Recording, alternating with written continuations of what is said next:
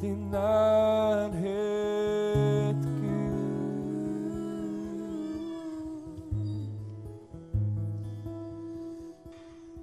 Tack Herren att vi får den förmån att vila i din närhet. Att låta din närvaro prägla allt annat i oss och vi bara säger kom ännu mer. Hos dig och så nära in till dig som vi kan komma är den bästa platsen vi aldrig känner oss mer levande än när vi är så nära. Livet känns aldrig så bra som, som när vi delar livet med dig.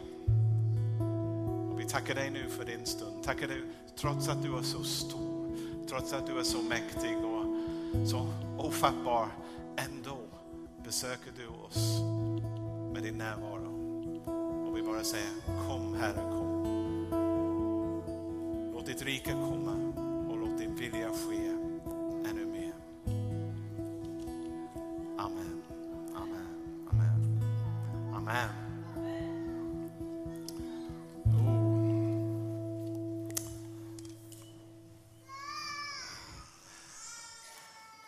Oj, det känns så, go så gott att kunna tillbe mig. Då, då förstår jag vad jag lämnade. Och om ni kanske någon gång undrat eh, om han, han flyttade för att han tyckte det var jobbigt här. Jag vill bara sudda bort det. Det var en, det var en svår beslut att komma till. Och eh, någonting som Herren gjorde och, och, och det var bara att gå.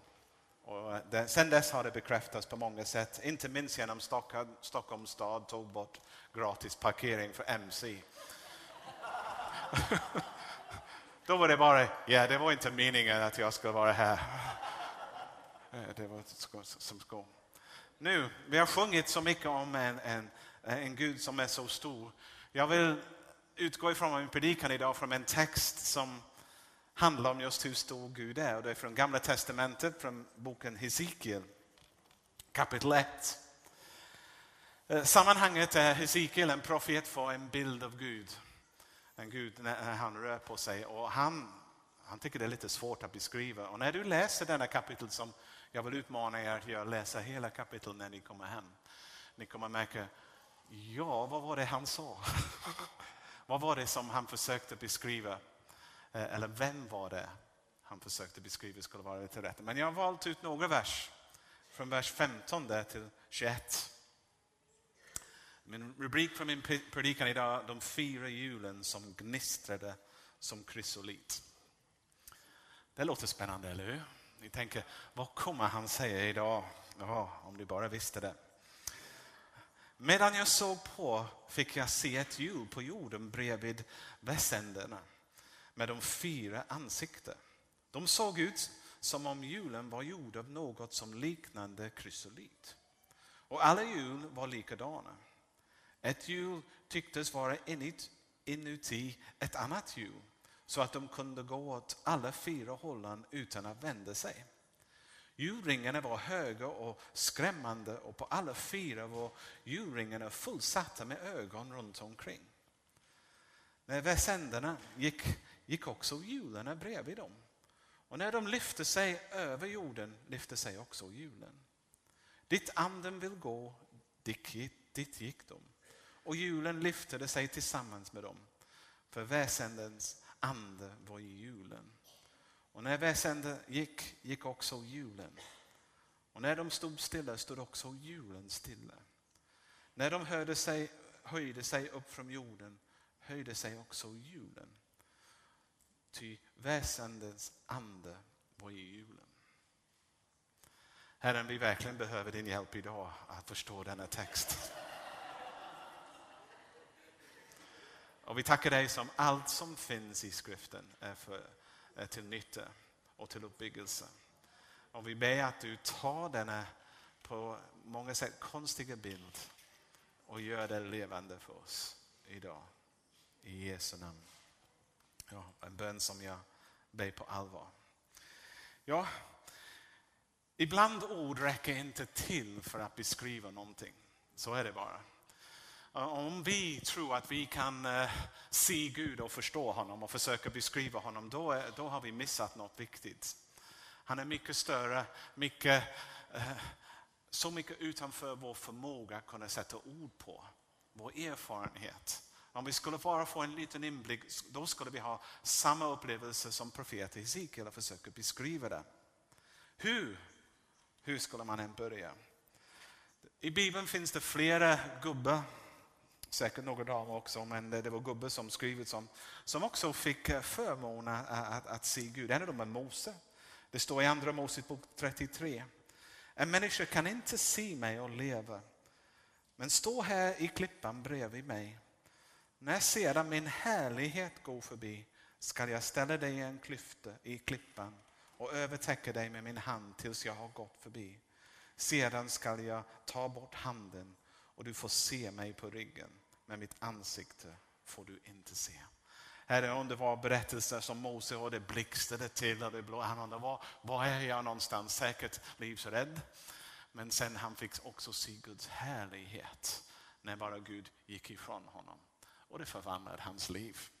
Och det finns fler, du kan också läsa om Elia, om Daniel och Jesaja och Jona, Johannes i, i, i Nya Testamentet också. De fick se mer än de kunde beskriva. Eh, nu, ni ska inte vara rädda, jag var lugn. Jag kommer inte lägga ut denna text, jag kommer lämna det för Paul att göra någon gång framöver. Eh, han får gärna, om du har frågor till och med om den text kan du fråga honom också. Eh, men jag vill lyfta fram bara idag den sak som, som, som får mig att snöra och det är julen.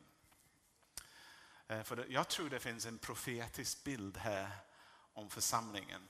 När man läser i vers 15, han, han, han, Ezekiel är mitt uppe i sidan häftiga eh, syn när plötsligt han säger, medan jag såg på dem fick jag se ett hjul på jorden bredvid. På något sätt, den härliga, plötsligt han ser vad det möter jorden. Och den, sen börjar han beskriva de här hjulen. Så det var den, den allsmäktiga möter den mänsklig, den skapade. Och det är just i denna punkt som jag fick en hel del aha-upplevelser. Men innan jag, jag säger lite mer om julen vill jag bara sätta lite stora perspektiv. Sett från en historisk eh, synvinkel. Jag tror att kristna under alla tid har haft ett, eh, lite problem att kunna fatta den stora bilden eller ha en stor bild av det som Gud gör. Eh, the, jag kallar det the big picture. Ibland är jag under, men, men varför? Men, men sen undrar jag ibland, men kanske det är meningen också att Gud ger varje generation sin bit att jobba med. Han, han betonar en viss del när man läser genom kyrkans historia olika saker som behöver fixas. Och de ska göra det. Men det är sällan som vi kan backa tillräckligt eh, långt bort för att kunna se den stora som han gör. Men för mig, jag ska säga lilla jag, jag är beroende av en övergripande bild för det är nödvändigt för min egen motivation. Jag måste kunna, kunna ha en uppfattning om varför. Eller vad, vad är min plats i det hela? Vad, är den, eh, var finns de gränser var jag ska vara och inte vara? Så jag får göra den biten som, som Gud vill att jag ska göra. Och jag ber Gud ibland om nåd att kunna förstå lite stora, bara se en liten, lite mer bredden på, på min sammanhang. Så att jag, jag fattar det. Och oftast, Gud är nådig, pröva, jag säger det, fråga honom ibland när du har en fråga. Han brukar svara. Ibland han svarar, det får du inte veta. Men eh, ibland får du någonting också. Och jag är i grund och botten en praktisk människa. Eh, jag är inte en detaljmänniska. Och jag, jag, jag älskar mer att se större bitar än att gå in på detaljer. Under en stor del av min uppväxt som kristen, eh, jag visste inte varför jag gick i kyrkan. Vi bara gjorde det. Jag hängde med mamma och pappa. Och, och eh, sen åkte jag också på, på något sätt. Jag, jag, gjorde det. Det var en vana. Och, och jag, jag har aldrig satt tanke på varför. Ja, det var bara att vi gjorde det. Eh, Och sen tänkte jag, jag kommer göra det hela mitt liv, i evighetens evighet. Amen. Som jag hade börjat. Jag skulle säga evangelisation eller social engagemang var inte högt på agendan när jag gick i kyrkan. Mest när jag gick i kyrkan som en ung man handlade det om att hålla mig borta från den och rena från den syndig och smutsiga världen. Jag gick till kyrkan för en typ som man har en bad eller en dusch varje vecka. Den andra världen stod utanför. Sen kom den karismatiska rörelsen, eller jag skulle säga sen bröt Gud in väldigt nära mig. Och jag, jag plötsligt började uppfatta hur stor Gud var. Eh, sen, sen, sen började en längtan, en hunger att lära känna Gud mer och, och den heliga Ande. Jag har läst allt jag kunde om den heliga Ande och Andens gåva. Jag, jag åkte till olika sammanhang. Plötsligt var Gud inte bara någonting jag pratade om, plötsligt blir han mer personligt och, och mer, mer viktig i mitt liv. Tillbedjan, fokus på honom och vad han gör, gjorde var så stort att det slukar upp mig. Oj, oj, oj. Och sen också fick jag förmånen att uppleva saker som jag kan inte förklara än idag. Inte heller har jag ord som jag kan beskriva också, eller de upplevelser som jag har gjort också. Och det är min vandring. Men, men, men sen blir jag lite besviken på den karismatiska rörelsen. Även saker som jag byggt på själv och jobbat för att få igång. Det verkade som man hamnade i Gud välsigne mig. Det handlar om att jag vill uppleva mer eller åh Gud, och det handlar om känslor och sånt sådär. Och plötsligt jag tänkte med lite avstånd, vi har vår, vi är så, huvudet är så långt upp i himlen, är vi inte någon användning i världen. Jag är inte säker att folk runt omkring mig fattar vad jag pratar om eller vad jag gör. Jag är så där uppe hela tiden.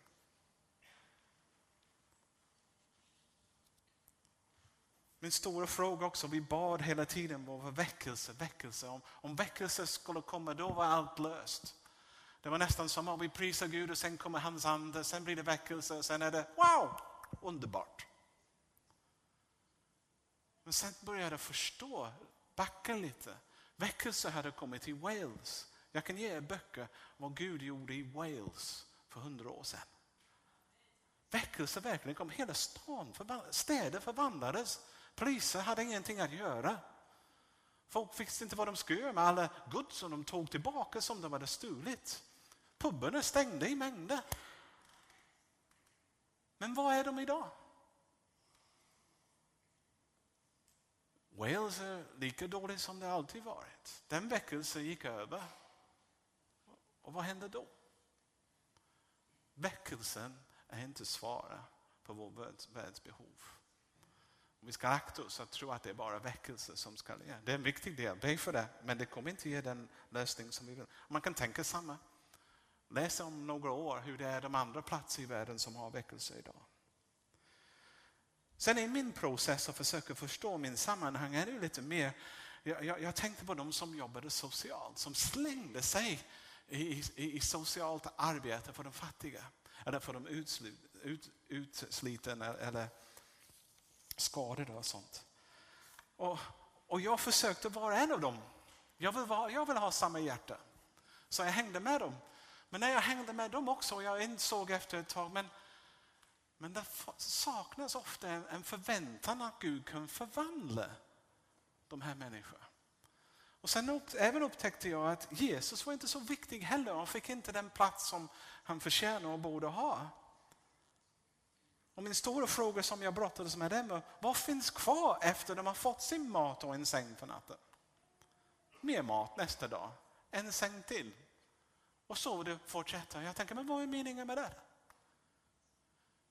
ropar Gud, vad är det mening med det? Så jag, så jag kämpar med den karismatiska och jag kämpar med, med, med, med den sociala engagemang och, och de typerna av församlingar också. Jag, jag hade en längtan av, av en, en gudomlig möte med en levande Gud på jordisk nivå. Jag vill ha mitt huvud i himmelen med mina fötter på jorden. Och nu när jag läser denna text i Hesekiel, jag ser en härlig bild av en Gud och fantastiskt. Man, kan, man verkligen kan försvinna i det. Men här finns det några djur som rör sig på marken, på jorden, inne i, i smutsen. Så när jag, så, så jag, när jag läser denna, denna bibeltext, jag ser någonting som är andligt och jordnära. Någonting tänder till i mig också. Och, och, jag, kan börja, jag kan läsa de andra texterna och tänka, i början där kapitel 1 och det är fantastiskt och det slutar med Guds härlighet på tronen. Men jag ser allt detta men jag ser att det finns en plats för henne. Mitt i denna otroliga beskrivning finns julen. Fyra stycken likadant. De gnistrar som krysolit. Det fanns andra hjul som rörde sig inom dessa hjul. Kan ni, har ni en bild av det? Nej. Hur, hur går det till? Eh, julen var omringd av ögon. Är det otäckt eller är det fint? Jag har en bild eh, som, som jag fick av en växellåda. Det, det, är den bästa bild jag har faktiskt. Av detta, en växel. Vi, vi kommer till det sen, du kan behålla den andra. Vi, vi, vi kommer till det. Det kunde röra sig i fyra olika riktningar. Yep. De vände sig in och de rörde sig. Och när den anden rörde på sig, då rörde sig hjulen. Och anden var i hjulen. Nu börjar jag fatta. Nu börjar jag fatta. När människor, när människor på jorden börjar söka Gud, de ser inte alla den härliga först. De ser var Gud möter eh, jorden. Och de ser, den första de ser är hans församling. Och vilken bild får de? Ibland de måste komma förbi församlingen för att kunna förstå vem Gud är. Och det är inte meningen. Meningen är när de möter församlingen, de ska möta Gud. Och de ska, när de möter församlingen, de ska också möta anden. Och när de ser vad anden gör där, de, de ska häpnas.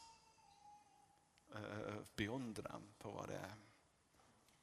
För julen för mig är en bild av hur de rör på sig här på är, är vad Gud möter jorden. På en engelska jag säger where the rubber meets the road. Om du har en bil, det är den biten vad det händer. Och då är det viktigt. Då är det superviktigt att vi tar till oss. Församlingen, Bill Hybels says the church is the greatest expression of God on earth. Församlingen är Guds tydligaste uttryck av vem han är på denna jord. Många av er kanske tror nej, en väx, eh, eh, tittar på naturen eller något. Men nej, naturen är ganska statisk. Det är inte så dynamiskt. Det är en relationellt fungerande, andefylld, gnistrande, blixtrande, härliga rörelse som en församling är. Som är hans tydligaste bild av vem han är. Och det är min bild av församlingen. Jag vet inte var du fick din från, men det, det är någonting annat. Och för att kunna, kunna vara detta här i Citykyrkan eller den nya kyrkan, vi måste få igång hjulen. Ibland skramlar det. Jag vet inte. Hur många vet vad en växellåda är innan jag försöker beskriva lite mer?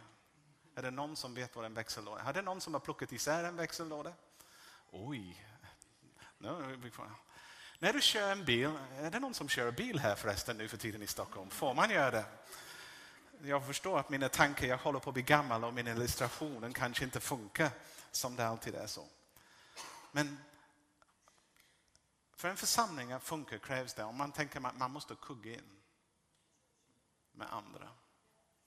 Och du vet när du är i en bil som inte är bra, när du köper begagnad bil, du måste roadtesta den, du måste köra den. för ibland det låter mm, mm", och du vet vad det är, den trasig växellåda. De låter fruktansvärt. För de här två sakerna, en, en kugge kanske skadad eller man försöker kugga in med någonting och det är väsnet som bara är där och gnister. Så kan det vara. För oss att fungera som en församling, det krävs att vi faktiskt integreras med varandra och börjar kuggas in. Det är du och jag i funktion. Vi behöver hitta den andra kugge som jag ska jobba med också. Uppleva glädjen i att vara en team. Glädjen att vara någonting större.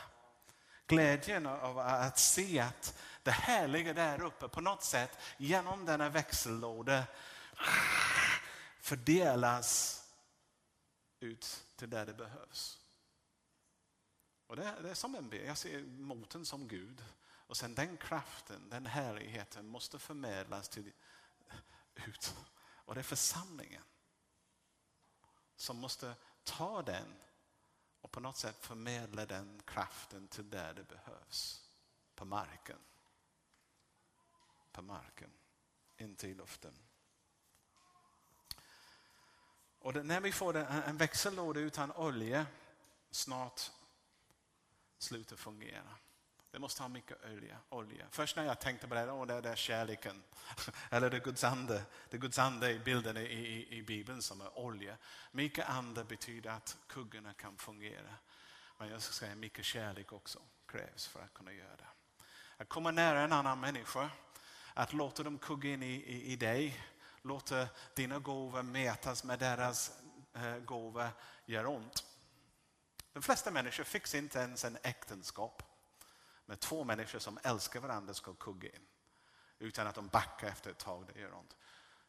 En församling, vi har flera hundra som måste göra det. Och det gnister. Och det brukar gnista i början. Men du kommer märka de kuggar som ser ganska, eh, ganska grått och inte fina, när de har kuggat in. Efter ett tag de börjar gnistra också. De blir glänsiga också. Och när de börjar verkligen passa in på varandra, då snörar det hur lätt som helst. Och man kan fördela kraften på olika sätt. Det var församlingens livet är för mig. När det sker. Jul som tillsammans, olika generationer kommer att göra det. Vi kan visa nästa bilden jag har. Det är en motorcykelväxellåda förresten, den första. Det var en viktig typ av växellåda. Här har vi en liten bild. Vi, vi rör på det. När du kör en bil och du växlar, eller du har en automatlåda, någonting annat växlar för dig, men det växlar. Plötsligt du, du kuggas in med en kugg, men sen flyttar du på sig och kuggar in med en annan. Och ibland den hjulen som du kuggar in går åt motsatt riktning. Och, och det kan du ha fem eller sex olika växlar. Och jag tror samma som med Gud. Han, olika tider har olika växel. Olika behov behöver olika växel. Ibland om du går uppförsbacke, du behöver en första växel. Du behöver när du får att du kommer en annan växel. Och hela tiden, det är Gud som håller på skiftet. Och han försöker få oss att flytta någon annanstans eller, eller röra på oss lite grann och kugga in med någon annan som vi inte kuggat med tidigare.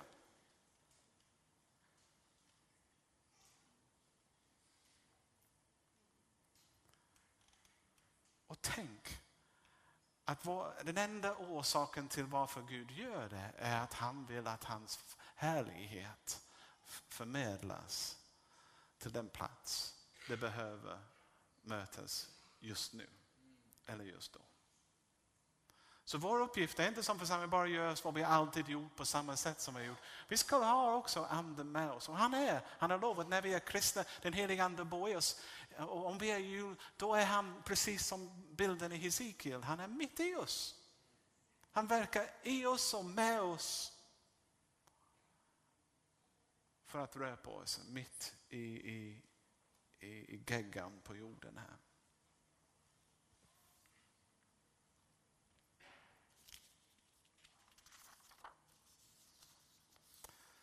Jo, sett från en historisk perspektiv också har kyrkan alltid haft problem med sina jul. Att överföra vision till praktisk handling verkar vara den lång, längsta avstånd som finns. Eller? Ibland vi har varit som, som om, om växellådor har en betydelse för sig själv. Vi kan snöra och fina växlar men det finns ingenting kopplat å andra sidan av växlar. Men det är härligt, vi upplever detta nu, vi upplever detta där. Eller vi har problem med kugge som vill vara ensam. Jag ska säga det är lätt att snöra när du inte har någon annan att kugga med. Och vi såg, åh ja, så härligt, så, så lätt att vara kristen. Så lätt, så lätt. Jag får inte göra det för många gånger nu, jag har blivit 57. Man kommer ramla. Men det är inte meningen att du kuggar ensam. Och jag ska säga så här, du kommer aldrig uppleva ett meningsfullt kristet liv heller om du gör det. För du behöver den som sitter bredvid dig. Du behöver en församling för att uppnå din kallelse här på jorden. Jag säger, Gud är en, ibland vi tar vår individualistisk, jag-fixerade tänkande med oss till kyrkan. Som om det är min, min utveckling med Gud som är den viktigaste. Jag ska säga, du kan inte utvecklas utan din församling. Och det låter hemskt att säga det, men, eh, men jag ska säga, din framtid bestäms av de som är bredvid dig. På ett sätt. Så du har alla motivation i världen att få dem igång. Men om du ser det på det sättet, då ser de inte som ett problem, ser de ett problem för oss istället för ett problem för dem. Då jobbar du på ett annat sätt. Du ser att det kommer förstöra mig med om det inte funkar. Eller vi tillsammans, församlingen, kommer inte kunna göra det som Gud kallar oss att göra om inte jag hjälper denna kuggen hitta sin plats och, och fila bort lite sånt så att det funkar. Det är en helt annan motivation för mig. Jag flyttar nu till Göteborg. Jag går till en församling som har ganska många sargade människor i det. Jag kan inte välja ut de duktigaste att jobba med.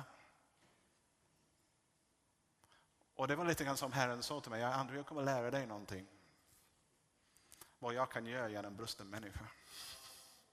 När ni kuggar in med dem. Du kommer se att min härlighet förmedlas på en helt annan sätt. Så sluta vänta på den perfekt medarbetare, den perfekt församlingsmedlemmen som är med. Bara fatta att din framtid är beroende på att du får dem igång. Lätt att säga. Lätt att säga. Jag har också tänkt, mm, jag har en samtal kommande på måndag som jag funderar på, hur i hela världen ska jag börja den? Vill du verkligen Gud att jag snörar med dem? Och Gud säger, du kommer gnista som krysolit också. Du kommer uppleva hur min ande gör någonting som du inte sett förut. Och hur det kommer bli en totalt ny upplevelse för dig. Vad du gör. Jag måste säga också när jag ger den bilden också. Det är inte bara din framtid som står på spel om din förmåga att kugga in med den nästa. Det är också församlingens framtid är beroende av att vi lyckas.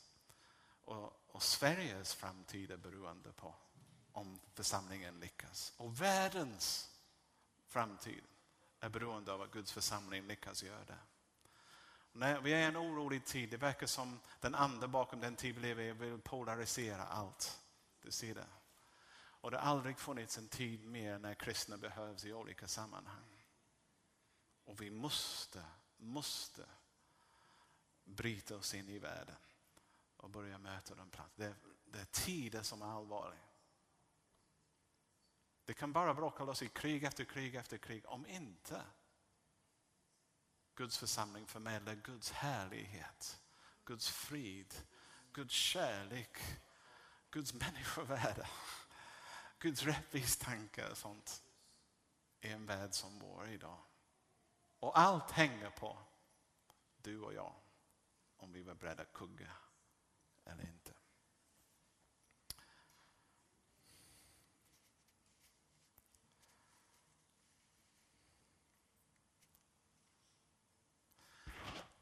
Det är mycket jag kunde säga, men jag avslutar med här. För jag måste säga, för den enda som behövs är en överlåtelse. En överlåtelse till Gud säger, jag vill vända mig när du vänder.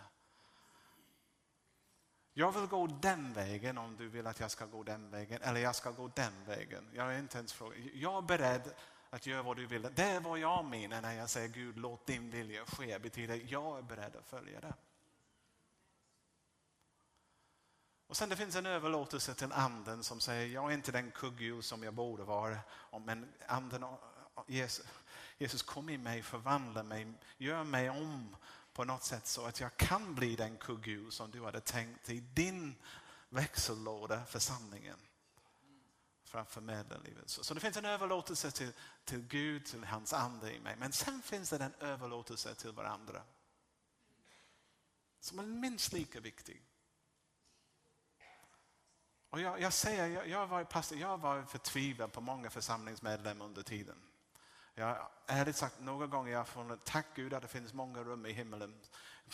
Jag kommer inte behöva träffa dem förmodligen. eller, eller tack Gud att vi förvandlas innan, innan vi går.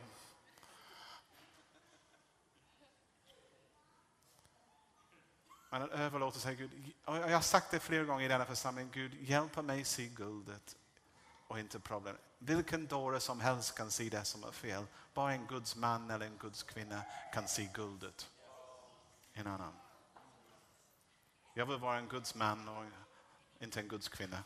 En Guds man som kan se guldet. Och min fråga, vill du vara det också? Ni är en fantastisk församling. Jag har bara varit här några dagar igen och jag, jag påminns om förutsättningar. Jag ser, ser gåvor, ser vad, vad Gud har samlat tillsammans, vilken låda ni är. Så jag vill bara uppmuntra er att överlåta sig en gång till till Gud, till den heliga Ande, till varandra och, och be mycket om den heliga Ande att komma. Och sen, sen hitta de platser var ni är för att sprida det.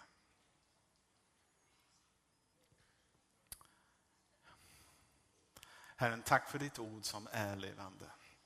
Tack för att du inte bara kallar oss för att direkt gå till himlen utan att du har kallat oss för att forma oss samma i din församling för att förmedla en helt annat liv än många människor upplever idag. Och jag ber att du hjälper oss var och en gör detta nu. I Jesu namn. Amen. Amen. Amen. Amen. Jag slutar där. Det var bra. Det var inte för länge. Amen.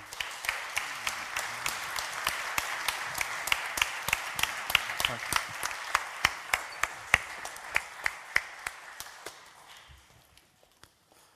Tack. Tack Andrew. Uh, förmedla det ordet till oss. Jag tror att det kuggar in väl, eller hur? Um, och talat till mitt hjärta i alla fall, och, och många här inne.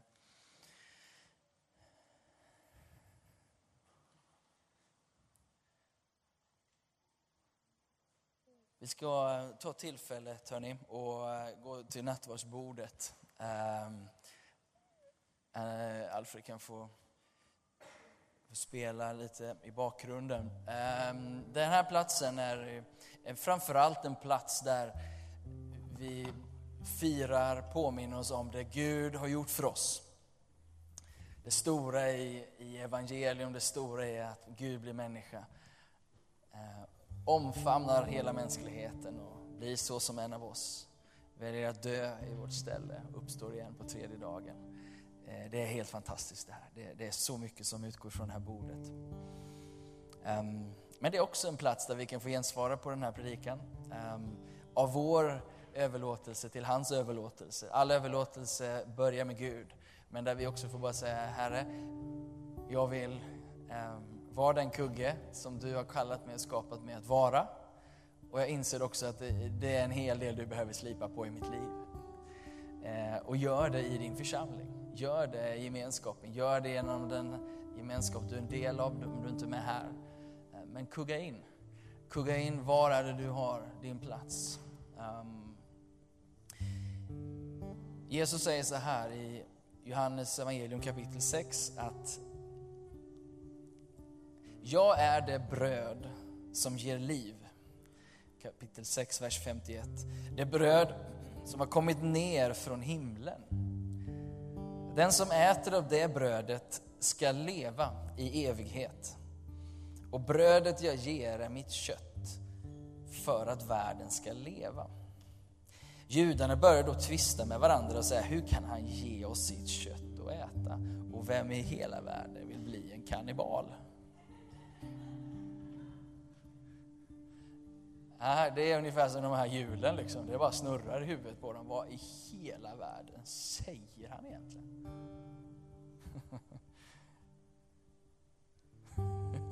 Det var våra barn häromdagen som frågade pappa eller mamma, vad är en kannibal för någonting? Man vill knappt berätta, liksom, för undvika det här. Men Jesus säger till dem så här, om ni inte äter människosonens kött och dricker hans blod har ni inte liv i er. Han liksom tar det här ett steg till. Svensken skulle sagt, nej men det var inte riktigt så jag menade, eller vi skulle liksom försöka hitta den här förklaringen. Men, men han bara, nej nu är det, det är bara att ta ett bett här liksom. Vad säger han egentligen? Vad är han ute efter? Den som äter mitt kött och dricker mitt blod har evigt liv. Och jag ska låta honom uppstå på den yttersta dagen. Till mitt kött är verklig mat och mitt blod är verklig dryck. Den som äter mitt kött och dricker mitt blod förblir i mig och jag i honom. Han använder det här makabra språket. Men han pratar om att omfamna det han gjorde på Golgata, där han dör. Han pratar om att fullt ut ta emot det här. Att fullt ut låta det sjunka in, smälta in, bli eh, som ett dagligt bröd, bli som en daglig dryck som, som, som väcker, som håller vårt inre liv levande, till och med genom döden och in i evigheten. Idag så firar vi det han gjorde och vi säger ja, vi tar emot det här idag. Ja, vi, vi tar emot det här idag och vi vill också bekänna oss till det som vår vandring och som den plats där jag får det liv som jag behöver. Lite senare efter att Jesus har dött och uppstått fart till himmelen så är det en man som heter Paulus som också får den här liksom uppenbarelsen av hur viktigt nattvarden är. Jag har själv tagit emot, säger han i första Korinthierbrevet kapitel 11. Jag har själv tagit emot från Herren vad jag meddelar er. Att den natt då Herren Jesus blev förrådd tog han ett bröd, tackade Gud, bröt det och sa, detta är min kropp som är utgiven för er. Gör detta till minne av mig. Och på samma sätt tog han bägaren efter måltiden och sa, denna bägare är det nya förbundet i mitt blod. Så ofta ni dricker av den, gör det till minne av mig. Ty så ofta ni äter detta bröd och dricker av denna bägare förkunnar ni Herrens död till dess han kommer. Så det här är någonting som vi som kristna, de som har tagit emot honom, gör tills dess han kommer. Han tog det här brödet. Det var inte en oblat, men det var ett bröd och han bröt det. Som ett tecken på att hans kropp också skulle bli bruten för att vi skulle kunna bli hela. Han tog så också en bägare. Och på den tiden så var en bägare och den här typen av måltid en väldigt tydlig signal om att ett förbund skulle ingå. Ett avtal mellan himmelen och jorden. Att han står där som medlare, gudamänniskan Jesus, och säger att jag ingår ett förbund med er. Det här påminner er om det förbundet, om Guds överlåtelse till mänskligheten. Att aldrig svika, aldrig lämna, aldrig ge upp. Så han tog bägaren, uppmanade oss att dricka och dela den här ibland oss och påminnas om att vi nu är en del av ett nytt förbund. Låt oss be hörni och förbereda oss själva att komma fram till den här platsen som påminner oss om storheten i evangelium om Jesus som vår frälsare och Herre. Och låt våra liv kugga in i honom och i varandra. Så Fader i himmelen, vi välkomnar dig genom din helige Ande att levandegöra detta för oss än en gång. Att låta oss när vi kommer till brödet och vinet få ta emot det Jesus gjorde på Golgata. Än en gång påminnas om storheten i det. Om min frälsning och räddning genom det. Vi ber idag att kraft från Golgata skulle utgå ifrån det här bordet till hälsa, till liv, till upprättelse.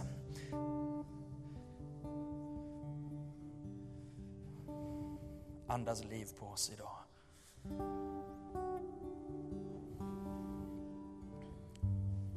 I Jesu namn ber